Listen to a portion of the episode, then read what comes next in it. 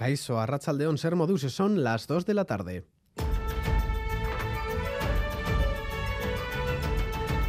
Crónica de Euskadi con Lier Puente. Hospitale barrengoa intensio nahiko tensioa dago. Rumatzen dugu gauza gaizki daudela. Direktora eta gerentea eta cesatzea eta ez dakit, zeo zer ez du funtzionatzen, o pixka da harrituta gaude. Konsejerak ez digu erantzun nahi, nik pentsatzen dut azalpena eman behar duela. Herritarrei eta langilei bebai. Desconcierto y preocupación entre los trabajadores y pacientes de la OSI de Donostialdea, tras los ceses de dos cargos directivos del hospital y la dimisión de otros dos, y todo apunta a que habrá más abandonos. Según eh, era personal de confianza, las situaciones y las necesidades cambian cuando se pierde la confianza. Tras esta polémica, el secretario general de, Amit, de Lacuncha, ha acusado esta mañana en Crónica de Euskadi fin de semana al gobierno vasco de no apostar por Osakideza y considera muy evidente el descontrol. Y en vez de cambiar y en vez de, sobre todo, escuchar y reorientar lo que se hace hoy con Osakidecha, lo que se opta es por la vía más autoritaria y en este caso se opta por, por destituir. ¿no? Pero nosotros creemos que el, que el gobierno vasco debería tomarse en serio a, a y sobre todo debería aumentar la, la inversión en Osakidecha, cosa que hoy no hace. Durante el primer mes de la guerra civil murieron 161 gudaris y milicianos, 141 en Guipúzcoa. Uno de ellos fue Miquel Alberdi, cuyos restos ha recibido este domingo su familia en el cementerio de Tolosa de manos del gobierno vasco, que mantiene su compromiso de recuperar los de aquellos que aún no se han localizado. Beatriz Artolazábal. La guerra tuvo responsables y tuvo víctimas. Derecho a la verdad que ha de poner en valor la lucha de gudaris y milicianos desde los primeros días del alzamiento. En Navarra, el parlamentario foral Javier García ha sido elegido presidente del PP de Navarra con el 97% de los votos, a la espera de saber si habrá una nueva coalición de Navarra Suma junto a UPN y Ciudadanos. Me preocupa porque Sánchez ha convertido a Bildu el interlocutor del gobierno de Navarra. Esto es una desfachatez. No podemos permitir que Bildu hable por todos los navarros. No podemos permitirlo. Y la OPEP evalúa hoy si reajusta su oferta del crudo. Horas antes del comienzo de la reunión, Rusia ha decidido dejar de suministrar petróleo a la Unión Europea tras el tope europeo al precio del barril ruso a 60 dólares, un tope que para el presidente ucraniano Volodymyr Zelensky es insuficiente.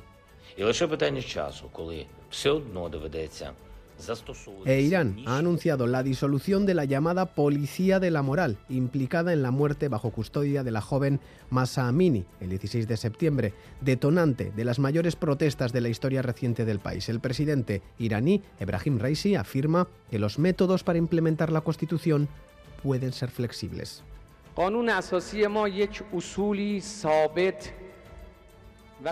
Y en Indonesia las autoridades han elevado al máximo el nivel de alerta por el riesgo del volcán Semeru, que ha provocado ya la evacuación de 2.000 personas. Cuando sea seguro podremos pedirles que regresen a sus hogares. Por ahora deben mantenerse en los refugios, decía la jefa adjunta del distrito de Lumham. En Japón habían llegado incluso a alertar de un posible tsunami que después han descartado. Y en casa, la preocupación ha estado en las carreteras por las heladas que hemos sufrido estas últimas horas, pero el sol está permitiendo que suban los mercurios. Previsión de Euskalmet de la mano de Mayaleniza, Arrachaldeón. Arrachaldeón, la tarde será soleada. En la mitad norte predomina el cielo azul y por la tarde se mantendrá igual. En Navarra y en el sur de Álava todavía hay bastantes nubes, pero durante las próximas horas irán a menos y por la tarde el ambiente será más claro, aunque las temperaturas no subirán mucho más y la tarde también será fresca. Y luego por la noche se pueden dar algunas heladas en el interior, sobre todo en Álava y en Navarra. Pero en resumen, la tarde será agradable. Mañana se mantiene el ambiente claro. Por la mañana pueden aparecer nieblas en el sur y en el Valle del Ebro pueden ser persistentes, pero en el resto se impondrán los claros. Luego por la tarde irán entrando más nubes desde el sur. Soplará el viento del sureste y ayudará a que suban las máximas, sobre todo en la vertiente cantábrica.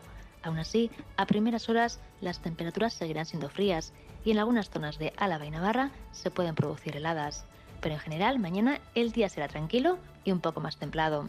En las carreteras, precaución en la AP68 en Bilbao, sentido Gasteiz. Hay un turismo accidentado en la calzada, no hay heridos y no está causando muchas retenciones. Y de repasar la información deportiva se encarga nuestro compañero John Zubieta, Rachaldeón. Hola, Rachaldeón. En fútbol femenino, tras la jornada ciega de ayer para los equipos vascos, el Alavés Gloriosas ha extraído un empate a dos en su visita al Sporting de Huelva.